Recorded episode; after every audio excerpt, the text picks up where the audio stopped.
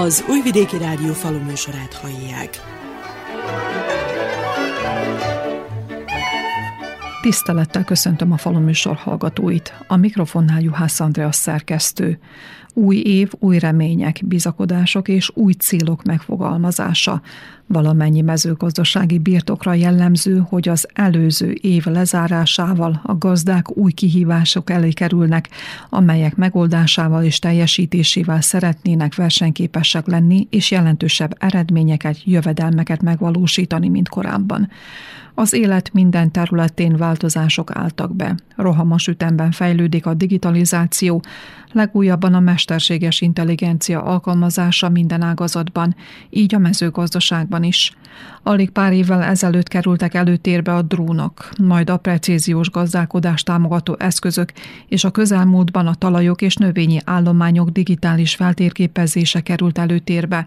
Ma a mesterséges intelligencia hódítja a legnagyobb teret, forradalmi változásokat hozva magával, amelyek hatékonyabbá, fenntarthatóbbá és gazdaságosabbá teszik ezt az ágazatot. A gazdálkodóknak ma már nem csak az innovációkat kell figyelemmel kísérniük, hanem aktívan részt vállalniuk az új technológiák bevezetésében is. A szakemberek véleménye szerint azok a gazdák, akik rugalmasan alkalmazzák a mesterséges intelligenciát, nem csak növelik a termelékenységet, hanem hozzájárulnak a fenntartható mezőgazdaság és a környezetvédelem céljaihoz is. A közelmúltban Zentán a Prosciencia Nature alapítvány szervezésében egy széles körű konferenciát rendeztek annak kapcsán, hogy az új technológiai vívmányok és a mesterséges intelligencia milyen szerepet tölthet be az agráriumban. Lengyel László ügyvezető a faluműsor mikrofonja előtt. A mesterséges intelligencia az egy tudományos fejlesztés. És ezt úgy kell kezelni, mint mármilyen másik tudományos fejlesztést. Nyilván, amikor áttértünk a lovas meghajtású ekékről a traktor vontatta ekékre, akkor is az egy lépés volt biztos sokan azt ellenezték, már veszélyes, meg hangos, meg stb. Hát itt is úgy van, hogy akik igazából nem értik, hogy miről van szó, azok mondanak rá mindent. Tény az, hogy ez egy új tudományos fejlesztés, ami hasonló módon segíti meg az életünket, mint bármi más. Az, hogy megértsük igazából, hogy mi ez, hogy ennek milyen alkalmazási területei vannak, hol lehet ezt a döntéshozatali mechanizmust, ezt a gépi tanulást alkalmazni a valós életbe. Ehhez hívtunk mi össze egy konferenciát, eh, ahova olyan embereket hívtunk egyrészt, akik ezt fejlesztik, másrészt pedig akik ezt alkalmazzák. A rendezvénynek igazából az első részén előadásokat hallhattunk, a második részén pedig egy kerekasztalt hallhattunk, ahol a mindennapi használatról és főleg az oktatásban való használatról volt egyébként szó. Ez a konferencia egy Erasmus program keretein belül valósult meg, és maga ez az Erasmus program okos üvegházakban elhelyezkedő vagy munkát végző emberek oktatására fejleszt tananyagot. Az elhangzott konferenciának is a fókusza a mezőgazdaságon belül is az okos üvegházak, az automatizációk, a különböző szenzortechnika adatain nyugvó megoldások, tehát reakciók kezelése, a mezőgazdaságban például a vertikális farmoknak a létrehozása, mesterséges megvilágítás, és még számos olyan terület, ahol teljes automatizációt próbálja elérni a mezőgazdaság. Egyébként attól függetlenül, hogy a mi térségünk egy mezőgazdasági terület, meggyőződésem, hogy ezek a technológiák őrült sebességgel fognak elterjedni. Ezek a technológiák teljesen vegyszermentesek és teljesen gyakorlatilag organikus módon tudnak működni, hiszen teljesen zárt és védett rendszerek, és amennyiben még a szabályozást is teljesen automatizáltra és a mesterséges intelligencia alapján közreműködésével, segítségével fogják megoldani, itt teljesen steril körülményeket lehet szavatolni. A másik, hogy energiahatékony, hiszen védett, minden optimalizálható, és az, amit meg most legújabban ehhez hozzátesznek, hogy visszaad területeket a természetnek. És ezt olyan módon tudjuk, hogy persze, hogy megőrizzük ezt az élelmiszer termelő kapacitásainkat, hogyha ezeket az automatizált növényházi, de lassan ugye majd az állatokra is gondolni kell, tehát a telepeket, inkább azt mondom, hogy automatizált telepeket előtérbe helyezzük és fejlesztjük, és ez a technológia a mezőgazdaságban jelentős mértékben segíti eh, ezeknek a működését. Magának az alapítványnak hol van a szerepe a mesterséges intelligencia népszerűsítésében, vajdaságban? Mi jelen pillanatban részt veszünk egy konzorciumban, amely tananyagot fejleszt, kipróbál megoldásokat, bemutat, népszerűsít, de vannak olyan gyakorlati ténykedéseink is, amikor cégeknek, nagyobb vállalkozásoknak próbálunk kapcsolatokat összehozni olyan fejlesztő cégekkel, akik a működésbe, a szabályozásba, az ügyvitelben és különböző helyekre próbálják a mesterséges intelligenciát alkalmazni, közvetítő, fejlesztő és ö, oktató szerepet látunk el jelen pillanatban. Ez is spontán alakult, úgy beleröpültünk ebbe a szükségletbe. Az a legfontosabb, hogy az új technológiák elterjedésében, értelmezésében, tanulásában vállaljunk szerepet.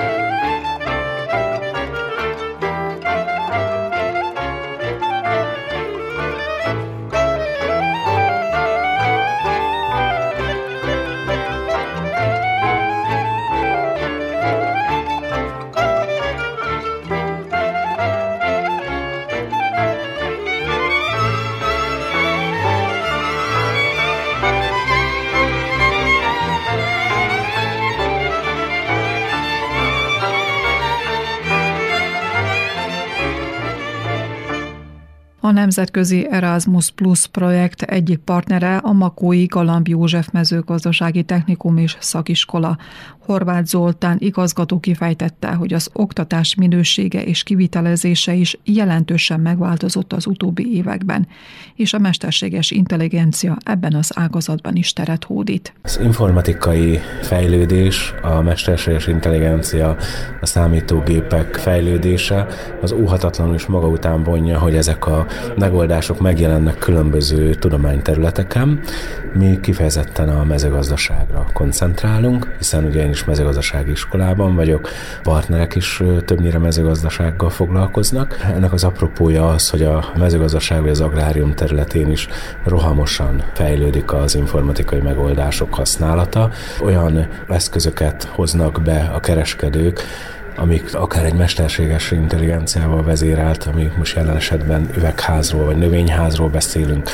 Nagyon sok mindenki találkozott egy kormányautomatika rendszerrel ellátott erőgép, ami mondjuk egy műholdas azonosításon keresztül 2 cm-es pontossággal akár önálló munkavégzésre is képes, és ettől nyilván azok a gazdák megijednek, akik nem ismerik ezt a technológiát.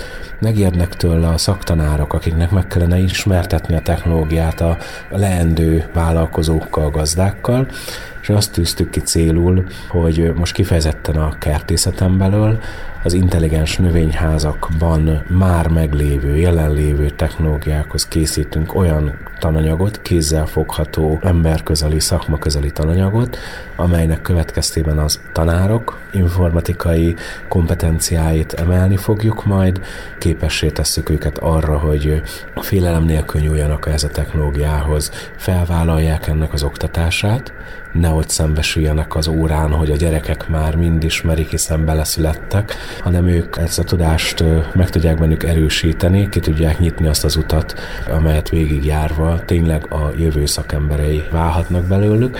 A szaktanároknak, a kertészetben oktató, dolgozó, akár 20-30 éve tanító szakmai tanároknak nem csak egy digitális kompetenciájukat kell fejleszteni, új módszert, oktatási módszert is a kezükbe kell adni, amelyel ők megfelelő módon adhatják elő a tananyagot, vezethetik föl ezeket az ismereteket, hogy ezek a klasszikus módszerek, a frontális osztálymunka, házi feladatok, számonkérések rendszere már kevésbé illeszkedik ehhez a kihívásokhoz, egy előző pályázatunkban például a fordított osztályterem módszerét választottuk, amit megismertettünk a kollégákkal, most a projektmódszert választottuk. Ez azért is fontos számunkra, mert mi a Galam József iskolában nagyon régóta azt képviseljük, hogy egy gyakorlat és elméletnek szinte össze kell fornia.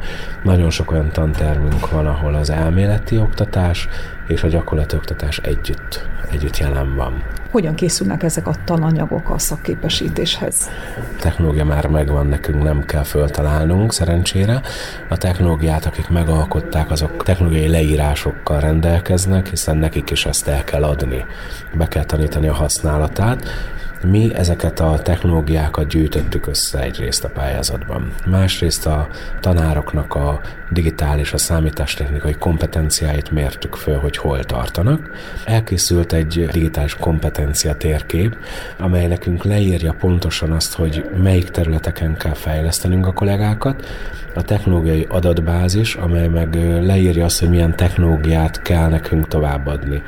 És hát itt jön be az IT Study cég, aki a konzorciumnak partnere, aki pontosan ezzel foglalkozik, ilyen oktatás, kutatás, fejlesztéssel, technológiai adatbázis és a digitális kompetencia után egy tananyag vázlatok készülnek el, és ezeket a tananyag vázlatokat készítjük el meglévő egységekből, majd utána a szakemberek, sokszor egyetemi szakemberek szakmai szempontból, kertészeti szakmai szempontból, oktatási szakemberek meg oktatási szakmai szempontból átnézik.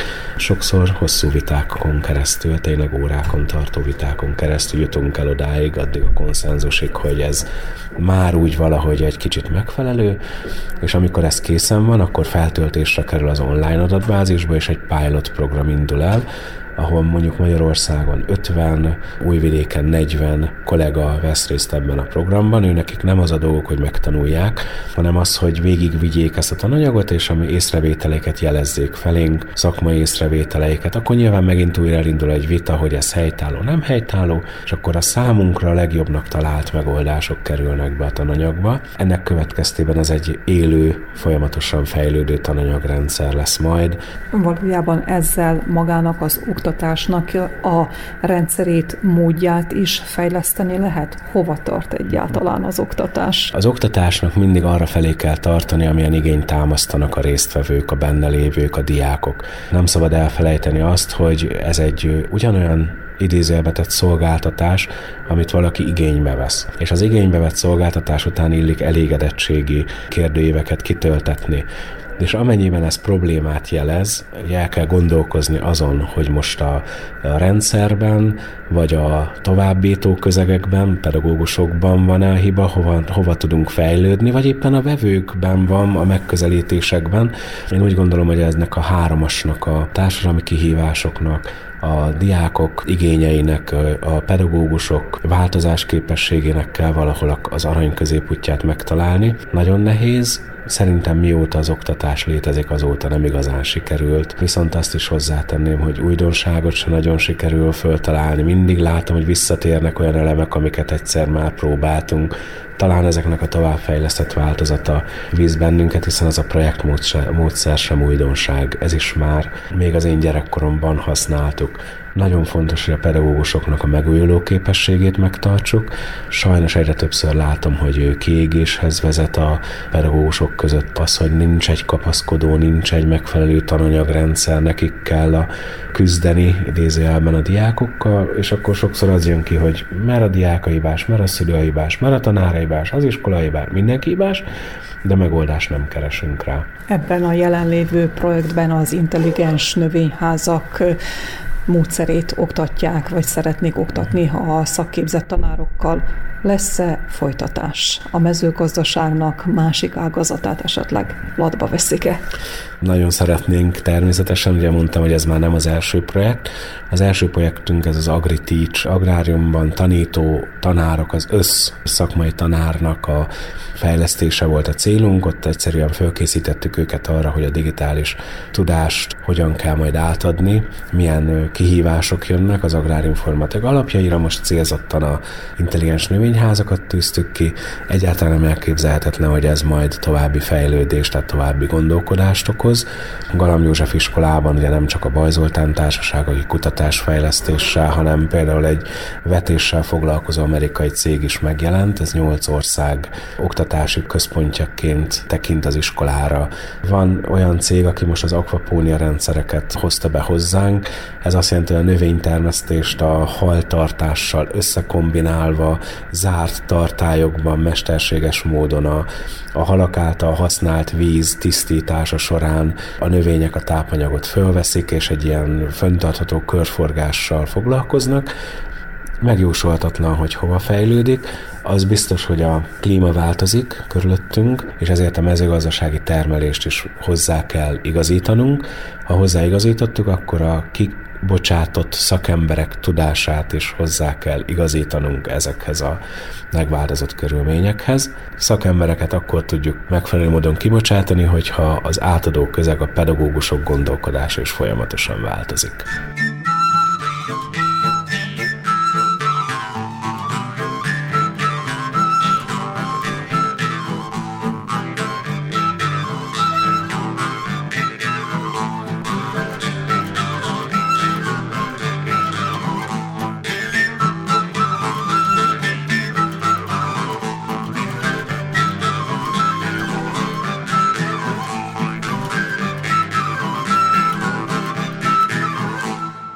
Az Entai konferencián Pék Zoltán, a Magyar Agrár és Élettudományi Egyetem professzora előadást tartott annak kapcsán, hogy az okos üvegházakban hogyan lehet eredményes és költséghatékony a termelés növényházi termesztés eddig is arról szólt, hogy a, a szabadföldi klimatikus adottságainkat egy kicsit terjesszük ki. Eddig ez csak a levegő paraméterére vonatkozott, tehát a hőmérséklet, a relatív páratartalommal, illetve a széndiokszid koncentrációra. Most ez kibővül ezzel a pótmegvilágítással. Ennek egy hatalmas lendületet adott a világító dióda vagy LED világítás, ami sokkal költséghatékonyabb, mint a hagyományos fénycsövek, kompakt fénycsövek, nátriumgőz lámpáknak az energia átalakító hatékonysága, és új távlatokat nyitott a mesterséges növényvilágításban. Annyira, hogy ma már egyre több olyan vállalkozás ruház be erre, akik már nem csak szaporítóanyag előállítást végeznek, ahol szinte kötelező volt a alacsony fényintenzitású időszakokban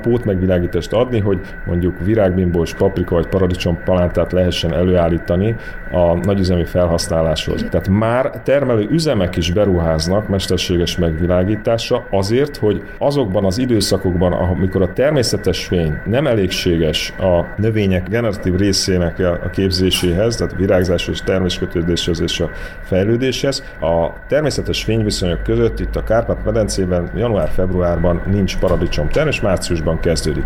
Ha ezt kiegészítjük, akkor január-februárban is tudunk termést betakarítani. Hát ez egy nagyon egyszerű piaci rés, és akkor ezzel most már egyre többen élnek. Egy másik kérdés a vertikális farmok, az nagyon dinamikusan növekvő és nagyon speciális növényházi termesztésnek számít. Valójában a népszaporulat teszi lehetővé azt, hogy az egységi területet másmilyen módon használjuk ki a növénytermesztésre, és a mesterséges fény alkalmazásával már nem csak a földfelszínén, hanem a földfelszín alatt is lehet termelni. Ez lenne a jövő? Egyrészt olyan helyeken is megvalósulhat vele növénytermesztés, ahol korábban nem, nem csak a föld alatt, hanem mondjuk az Antarktiszon is lehet ilyen növénytermesztő szobákat létrehozni. Teszem azt mondjuk egy űrállomáson. Nem feltétlenül mennyiségre kell itt gondolni. Az alap élelmiszerek termelését pillanatilag még nem tudjuk elképzelni. Amit termelő üzemek nagy része előállít a vertikális farmokon, azok általában ilyen csíranövények, vagy pedig ilyen mikrozöldségek, tehát ilyen kisméretű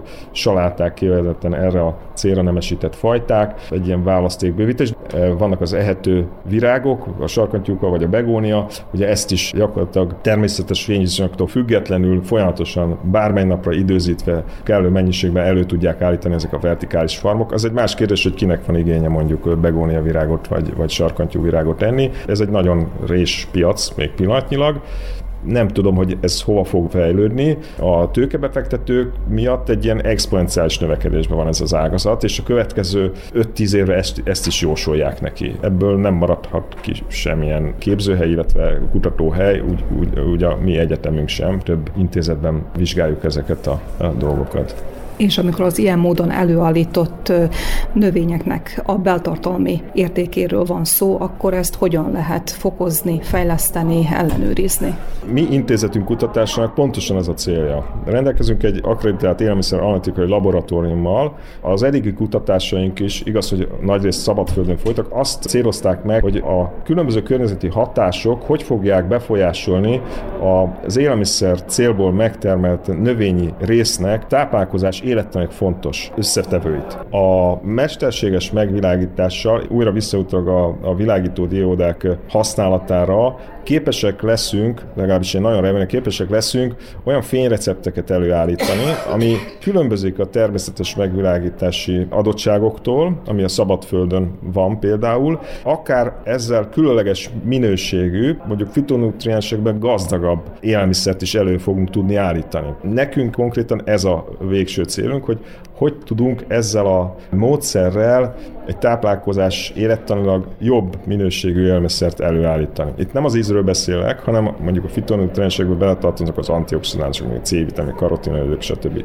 tokoferolok, tehát hogy egészségesebb élelmiszer legyen. A másik nagy lehetőség pedig az, hogy mivel ez egy teljesen zárt növénytermesztési rendszer, ahova még a levegő is szűrtem megy be, ezért az ilyen módon megtermelt élelmiszernek a mikrobiológiai szennyezettsége több nagyságrendel kevesebb, mint a szabadföldié, vagy teszem azt még a növényháziénál is kisebb, ez azt jelenti, hogy minden egyéb módszer nélkül sokkal hosszabb ideig megőrzi a leszedéskori állapotát. Ez is egy feltáratlan terület, hogy levél felületen detektálható kevesebb síraszám, az hogy befolyásolja azt, hogy, hogy, hogy nem pusztul el a leszedett növényi rész a tárolás során. Az intelligens növényházaknál hol van az ember szerepe? Az ember fogja megmondani, hogy mi lesz a termesztési cél. A mesterséges intelligencia, hogyha ebbe bele tud segíteni, akkor ez, ez tulajdonképpen egy eszköz lesz, amit, amit fel fogunk használni ahhoz, hogy mi ezt a kívánt célt elérjük. Tehát a célt azt mindenképpen mi fogunk համազուգման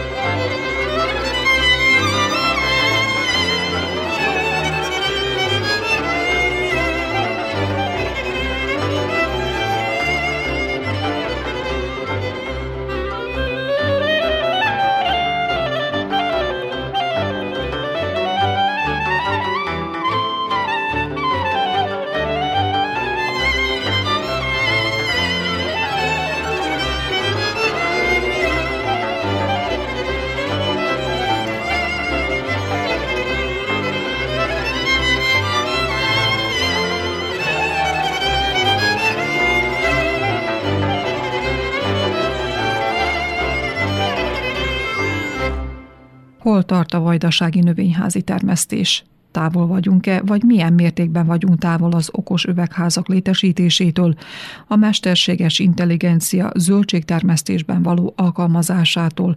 Kérdeztük Kőrösi Sóti Beátától, a Magyar Kanizsai Beszédes József mezőgazdasági és műszaki szakközépiskola tanárától. Kíváncsi voltam, hogy mi mivel rendelkezünk, és hogy ez a kapacitásunk tulajdonképpen hány hektárról szól, és hogy vajon jelen van-e az intelligens növényház története nálunk, vagy mi lenne az első, vagy második, harmadik lépés, amivel közelebb juthatnánk ehhez. Először is nagyon fontos a támogatás az, hogy valaki gazdálkodó ilyen nagyobb volumenben gondolkodjon. Azt tudjuk, hogy a támogatások igényre alapulnak. Tehát, hogyha mi magunk nem fogalmazzuk meg azt, hogy mire van szükségünk a növényházak terén, és miben szeretnénk fejlődni, és miben szeretnénk okosítani, akkor természetesen a pályázatok se íródnak rá arra, ami nem is létezik. Fontos az, hogy alulról alakuljanak ki ezek az igények. De ahhoz, hogy tudjuk, hogy mire van szükségünk, ahhoz az ilyen találkozókra óriási szükség van, sőt arra a tanulásra, ahol majd mi először elsajátítjuk elméleti téren, vagy esetleg gyakorlatban megnézi az ember, és az alapján mer álmodni, és az álmokat utána már könnyű megtámogatni. Szerbiában hiányzik még az az infrastruktúra, ami ezt valóban meg tudná támogatni. Azok a reproanyagok, amik, amik szükségesek ahhoz, hogy működőképes legyen akár egy rögzítőközekes termesztés, vagy maga az a hálózatrendszer, hogy a termelőnek ne a fejét kelljen kapkodni, hanem egyszer eljussunk oda, hogy ha valamire szüksége van, akkor legyen egy adatbázis, amiből meríteni tudhat, és, és fordulhat valakihez és segítséget is kap abban a történetben, vagy egyáltalán a tápközeg és a, a tápanyagnak, a, mivel hogy ezek vízben oldható anyagok, ennek a beszerzése is nagyon fontos. Azt is tudjuk, hogy egy termesztés három-négy receptúrával történik, és ezt nem lehet egy univerzális keverékkel megoldani, hiszen a növényigénye változik a növekedés és fejlődése során, és ebben azt hiszem, hogy az első lépés a tanulás az emberi konferencián mi az, ami legjobban megragadta a figyelmét?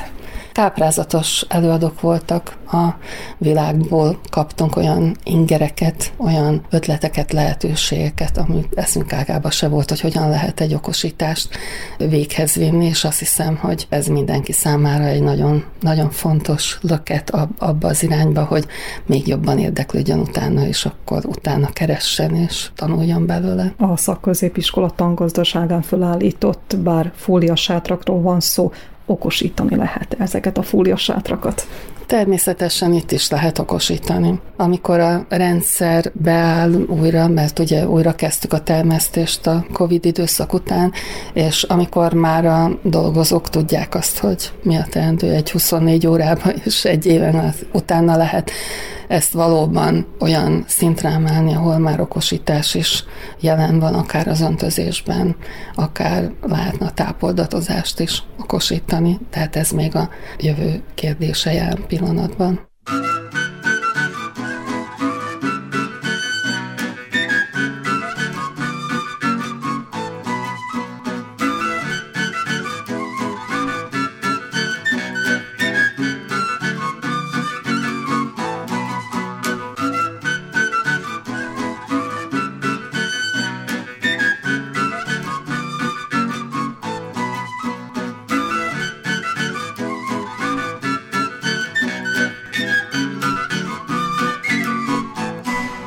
A Prosciencia Nature Alapítvány és a magyarországi intézmények, vállalatok közötti határon átívelő program elsődleges célja, hogy olyan tananyag fogalmazódjon meg és kerüljön megjelentetésre, amely alapul szolgál a jövőbeni szakemberek sikeres oktatására. Stárbik Ildikó, a Magyar Kanizsai Beszédes József Középiskola igazgatója így vélekedik az új kihívásokról. Iskola szempontjából és a középiskolai diákok szempontjából nagyon nagy szükség van a tananyagnak ilyen jellegű újítására, jelen esetben mondjuk az intelligens növényházaknak az alkalmazásáról a kertészeti szakképzésben, mert a, a minisztérium által előírt tananyag, ezek a tankönyvek, ezeket az anyagrészeket még nem foglalják magukba, tehát minden újdonságra nyitottak vagyunk, és minden újdonságnak, új tananyagnak, ismertető anyagnak nagyon örülünk, annál is inkább, mert a diákjaink ezen innovációk irányában nagyon nyitottak. Alkalmazni szeretnék őket, és ez, nagyon, és ez felkelti az érdeklődésüket is maga a mesterséges intelligencia szerepet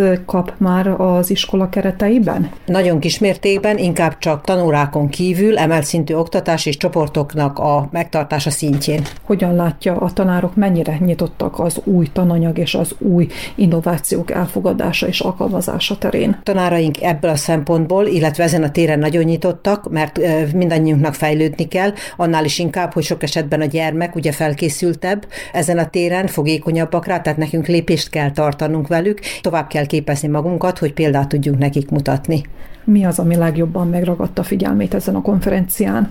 Azok az újítások tetszettek nekem a legjobban, amik a meglévő fedett létesítményeinknek a modernizálására vonatkoznak, és vannak olyan diákjaink, akik ezen a téren ténykednek is, versenyre is készülnek, tehát a meglévő fólia borítású létesítményeink automatizálásán dolgoznak, ez nekünk nagy könnyítést jelentene az iskola tangazdaságában. Tartományi mezőgazdasági titkárság minden évben pályázatot ír ki a szakközépiskoláknak a részére. Mi ezeken a pályázatokon igyekszünk részt venni. Nagyon reméljük, hogy a következő kalendáriumi évben esetleg ők is figyelmet szentelnek annak, hogy ilyen célú támogatásra is írjanak ki nekünk pályázatot. Az eddigiekben ezeket a modernizálásokat, ha tehettük, csak önerőből tudtuk megtenni.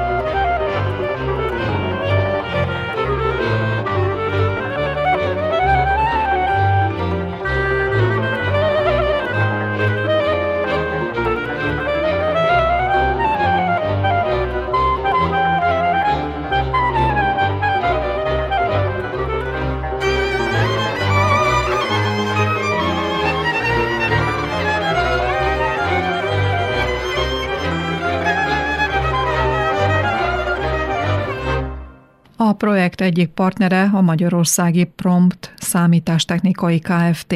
Lengyel József ügyvezető igazgató, a fejlesztések szószólója. A mesterséges intelligencia minden területen használható, nem csak a mezőgazdaságban természetesen, hanem egyéb más területeken is.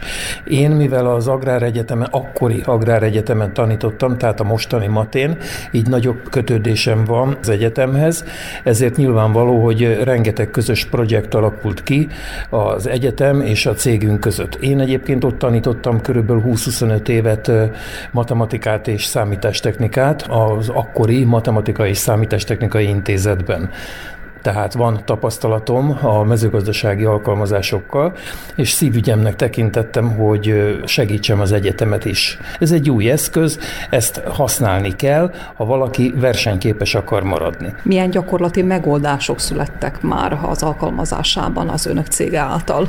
Növénytermesztésben, paradicsom kutatásban használtuk a mesterséges intelligenciát, a paradicsom szárazanyag tartalmának a mérésére, illetve illetve egy spektroszkóp segítségével spektrumokat mértek a paradicsomon, ez egy roncsolásmentes vizsgálat. A paradicsom szárazanyag tartalmát az roncsolásos módszerrel, laborkörülmények között állapítják meg. Most összefüggést kerestünk egy spektroszkópiai vizsgálat eredménye és a roncsolásos vizsgálat között, és ezt egy mesterséges intelligencia eljárással végeztük el, ami gyakorlatilag kéttizedes egy pontossággal roncsolásmentesen megmondja a paradicsom paradicsom szárazanyag tartalmát. Jelen pillanatban van egy közös projektünk a Matéval, a szarvasmarhák sántaságának a megállapítására. Kitűnő eredménnyel tudjuk zárni a projektet, mert a 240 mintából 220 mintában helyes eredményt hozott ki a mesterséges intelligencia megoldás mezőgazdaság minden ágazatában lehet ezt alkalmazni. Az önök cége a szoftverfejlesztésen és az alkalmazásban is szerepet vállal. Mi a cél? Mesterséges intelligencia is fejlődik, hát inkább a robotika irányába fognak majd fejlődni ezek a módszerek, tehát valószínűleg a robotikai megoldások nagyban fogják segíteni. Elsősorban a képfelismerés, tehát hogy a robot felismerje, hogyha például paradicsomot kell születelni, akkor csak a paradicsomot vegye le, és ne vegyen le egyéb más terméket adott esetben. Majd a robotika irányában is okoz majd egy fejlődést. Magyarországon vannak-e már olyan telephelyek, olyan vállalkozások, amelyek alkalmazzák az önök által kifejlesztett szoftvereket, mesterséges intelligenciát, illetve projekteket? Biztonságtechnikában már használják, gyógyászatban használják, mezőgazdaságban még fejlesztés alatt van, élesben még nem használják. Hogyan látja a mai kor embere, mennyire nyitott ezeknek az újdonságoknak az alkalmazására? Vannak, akik nyitottak, és örömmel veszik ezt a fejlesztést, és vannak, akik óckodnak tőle, félnek, és közlik, hogy ez, ez borzasztó. Ebben az embertípusban vannak az egyszerű, nem iskolázott emberek is, akik szeretik például a mesterséges intelligenciát, vagy nem szeretik, és ugyanúgy tudok mondani olyan embereket, akik nagyon magas iskolai végzettséggel rendelkeznek, és ott azok között is van ugyanez, hogy szeretik, nem szeretik. Tehát ez nem végzettség függő.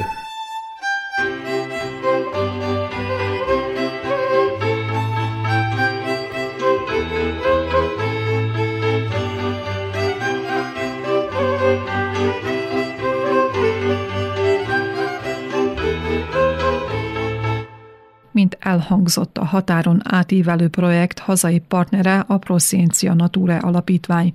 Kulcsár Sarolt a programkoordinátor szól arról, hogy milyen új tervek elé néznek a munkatársakkal karöltve. Ami nagy újdonság volt a 2023-as évben, az az, hogy szeptember 12-én sikerült átadni a Prosciencia Natura Alapítvány oktatási központját, így új helyszínre költözött a képzés, és így mostantól az Ősz utca 18-as szám alatt érhető el a képzési központ Zentán. Ez egy nagy változást hozott mindannyiunk életében, hiszen egy helyre került az, az oktatás, és ezáltal lehetővé vált az oktatáshoz kapcsolódó programok megvalósítása is ugyanezen a helyszínen. Éltünk is ezzel a lehetőséggel, hiszen többféle tanfolyam, többféle rendezvény, többféle pályázathoz kapcsolódó és megvalósítandó program várt az érdeklődőkre 2023-ban. Ilyen volt az Erasmus programunkhoz kapcsolódó multiplikációs rendezvény, az ahhoz kapcsolódó mesterséges intelligenciáról szóló szakmai kerekasztal. Ilyenek voltak azok a tanfolyamok, ami a virágkötészethez kapcsolódott, ugye itt advent időszakában. Ilyenek a jövőben tervezendő tanfolyamok, kezdő méhészeknek szóló előadás vár majd az érdeklődőkre, ilyen lesz a kozmetikumok és a gyógynövényekhez kapcsolódó tanfolyamunk, ilyen lesz a fűszervarázs, a fűszerekhez kapcsolódó tanfolyamunk, tehát gyakorlatilag a kertészet, illetve a körülöttünk lévő természet erőforrásaiból próbálunk merítkezni olyan ötletekkel, amivel talán az érdeklődőknek, a célcsoportnak, akik főként azok a, az érdeklődő közönséghez tartozó tagok, akik szeretnének egy kis alternatív megoldásokkal meg megismerkedni, akár a kozmetikumok világába, akár a fűszerekkel kapcsolatos ismereteiket szeretnék bővíteni, hiszen nagyon sok esetben látjuk azt, hogy a környezetünkben lévő fűszereket sem használjuk ki, azokat sem, amiket nagyanyáink használtak gyakorlatilag, mert feledésben merültek azzal, hogy fölgyorsultak a mindennapjaink, és ugye a főzésünk is átalakult. A 2024-es év is sok újdonságot rejt majd a, a számunkra. További pályázatokba kapcsolódik be az alapítvány, ilyen módon kapcsolja be úgy a középiskolás tanárokat a térségünkből, mint az egyetemi hallgatókat a térségünkből, és itt nem konkrétan csak a Magyar Agrár és Élettudományi Egyetem hallgatóira gondolok, hanem az Újvidéki Egyetem mezőgazdasági karán tanuló hallgatókra egyaránt, hiszen az alapítvány olyan programokba kezd, ami magyar és szernyelvű tananyagfejlesztésekre fókuszál a mezőgazdaság területéről, ami nem csak az egyetemi hallgatók tudását bővíti majd, hanem azok a gazdálkodók tudását is, akik érdeklődnek az újdonságok, az innovációk iránt a, a mezőgazdaságban, és ezt olyan elérhető módon tesszük meg, ami az érdeklődő gazdálkodók számára is fogyasztható, és érthető módon magyarázza el azokat az újdonságokat, ami vár rájuk a 2024-es és a közeli jövőben egyaránt. Nagyon fontosnak tartjuk azt, hogy tájékoztatást adjunk a gazdálkodóknak az újdonságokról, akár szakmai kerekasztalok, akár népszerűsítő rendezvények, akár bemutatók alkalmával, hiszen úgy tudjuk az új ismereteket közelebb hozni és fogyaszthatóvá tenni, hogyha ők látják annak a gyakorlatban való megvalósíthatóságát, és látnak olyan mintagazdaságokat, ahol ez már működik, és tapasztalatcsere által ők is bővíthetik a már meglévő ismereteiket. Nem hagyunk fel az új programok beépítésével a mindennapokban sem, hiszen az egyetemi alapképzés mellett valóban figyelünk arra, hogy a legkisebb korosztálytól a legidősebb korosztályig tudjunk nyújtani olyan programokat, ami érdekes lehet a számukra. Ilyen lesz például az óvodások és a középiskolások számára most debütáló Kertész Kalandor programunk, hiszen a Kertész Kalandor egy olyan kis lény, aki kinnél a Matezentai Konzultációs Központ tangazdaságába, és valóban a legkisebbek számára mutatja be azt, hogy milyen módon ismerkedhetünk meg a fűszernövényekkel, a gyógynövényekkel, a zöldségekkel, a gyümölcsökkel, a szőlővel. Ugye tesszük ezt kis mondókákon, meséken, verseken keresztül, amivel az ő nyelvükre tudjuk lefordítani a mezőgazdasággal kapcsolatos ismereteket. Nagyon fontos, hogy ez a legkisebb generáció is megismerje, értékelje, és ismerje annak a fontosságát, hogy mennyire fontos az egészséges táplálkozásra való odafigyelés, mennyire fontos az, hogy a környezetünkből fölismerjük azokat a lehetőségeket, amik itt vannak, előttünk vannak. A Kertészek Egyesülete már régóta népszerűsíti az iskolakert projekteket, úgy a tehetséggondozó iskolák, mint a sajátos nevelési igényű gyerekek iskolái számára. Ilyen módon több programot valósított meg ebben a témakörben. Ezek a programok hál' Istennek működnek és működőképesek, elérhetőek bárki számára, és ezt szeretnénk bővíteni a Kertész Kalandor programunkkal, ami ugye az alsós és a kisiskolás generációkat vezeti be ezekbe az ismeretekbe.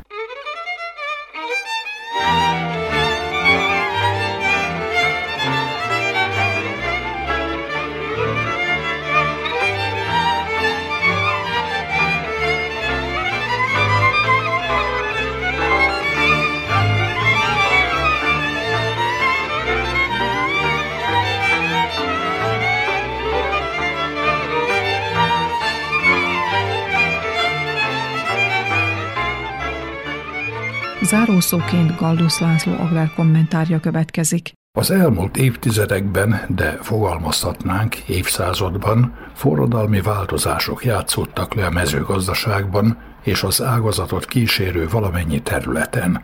Gondoljunk csak a növénynemesítésre, az állatok keresztezésére és hibridizációjára, az új mezőgazdasági gépekre és talajművelési technológiákra, azután a növényvédőszerek térhódítására.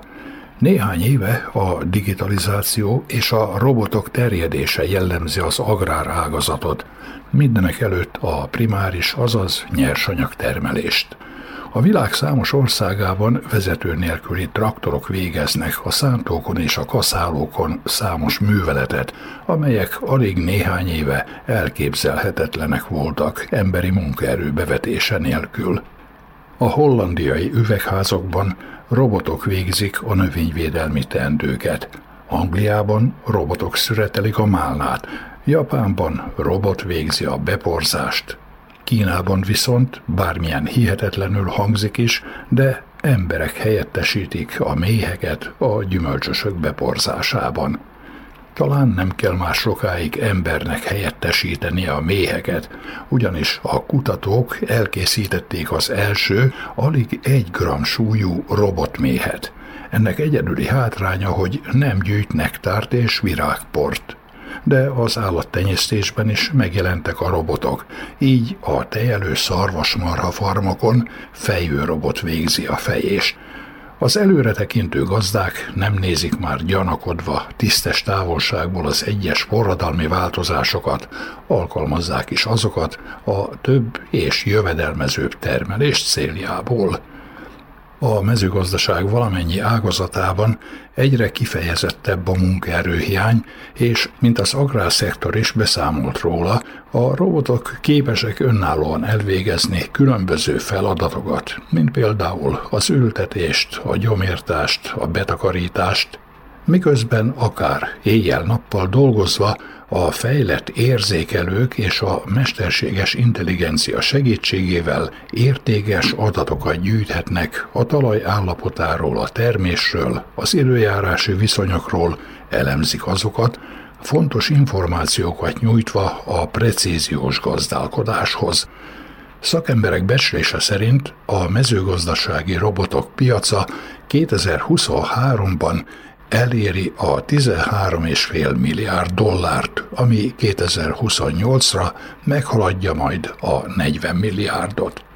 Egyelőre a drónok vezetik a mezőgazdasági robotok piacát, azonban a neves gépgyártók fejlesztési eredményei alapján a vezető nélküli traktorok törnek érre, és az előrejelzések szerint Európa mezőgazdaságában várható ugrásszerű növekedés lévén, hogy ez a régió az autonóm betakarítási rendszerek és a vezető nélküli traktorok bevezetésének kezdetén áll.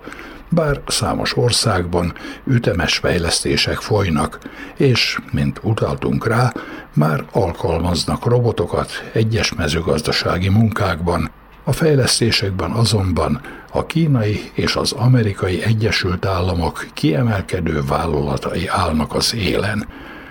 A mezőgazdasági robotok érzékelőik és GPS technológiájuk révén nagy pontossággal végzik a feladatokat, tehát pontosan elültetik a magot, műtrágyát tudnak kijuttatni és adagolni a növényvédőszereket.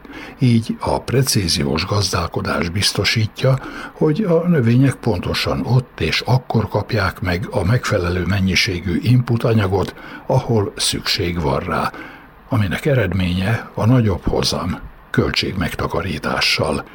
Ez mellett környezetkímélő szerepük sem mellékes, ugyanis a robotok precizitásuk révén kevesebb vegyszert juttatnak ki, így módon csökkentve a környezet terhelését, ami egyre inkább követelményé válik a gazdálkodásban.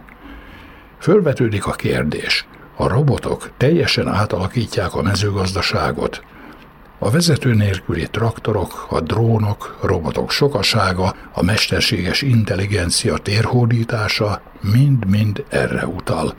A közelmúltig csak fantasztikus filmekben láthattunk az emberrel beszélgető, kommunikáló robotot. A futurisztikus kép áttevődött a gyakorlatba – ugyanis az amerikai farmerek ingyen létesíthetnek kapcsolatot a NORM névre keresztelt első robot agrártanácsadóval, a beszélgető robotok egyik új nemzedékének képviselőjével, ami agrár szaktanácsadásra specializálódott. Pontosabban erre fejlesztették ki.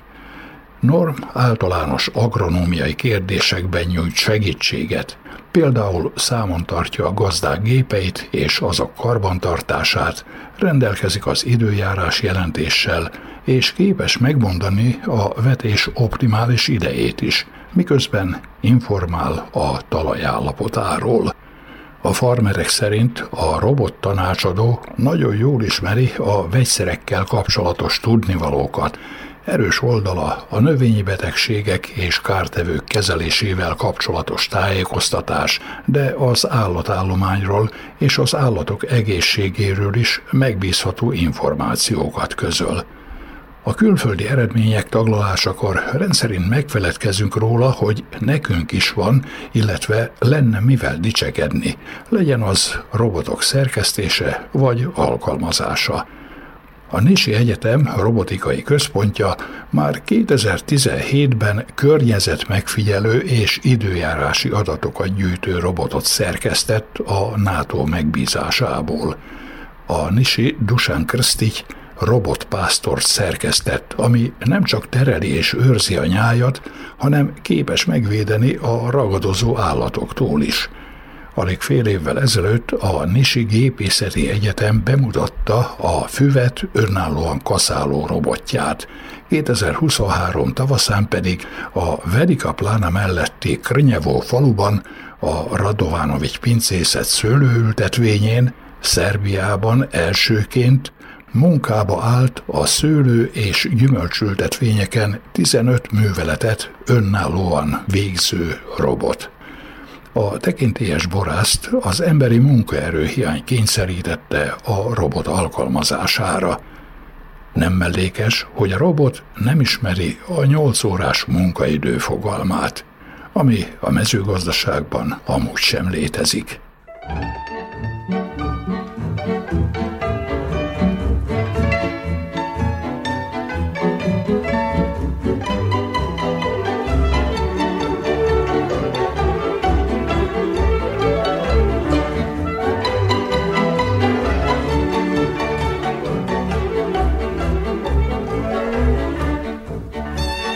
Kedves hallgatóink, falu műsorunkat sugároztuk. A munkatársak nevében is elköszön önöktől a szerkesztő Juhász Andrea.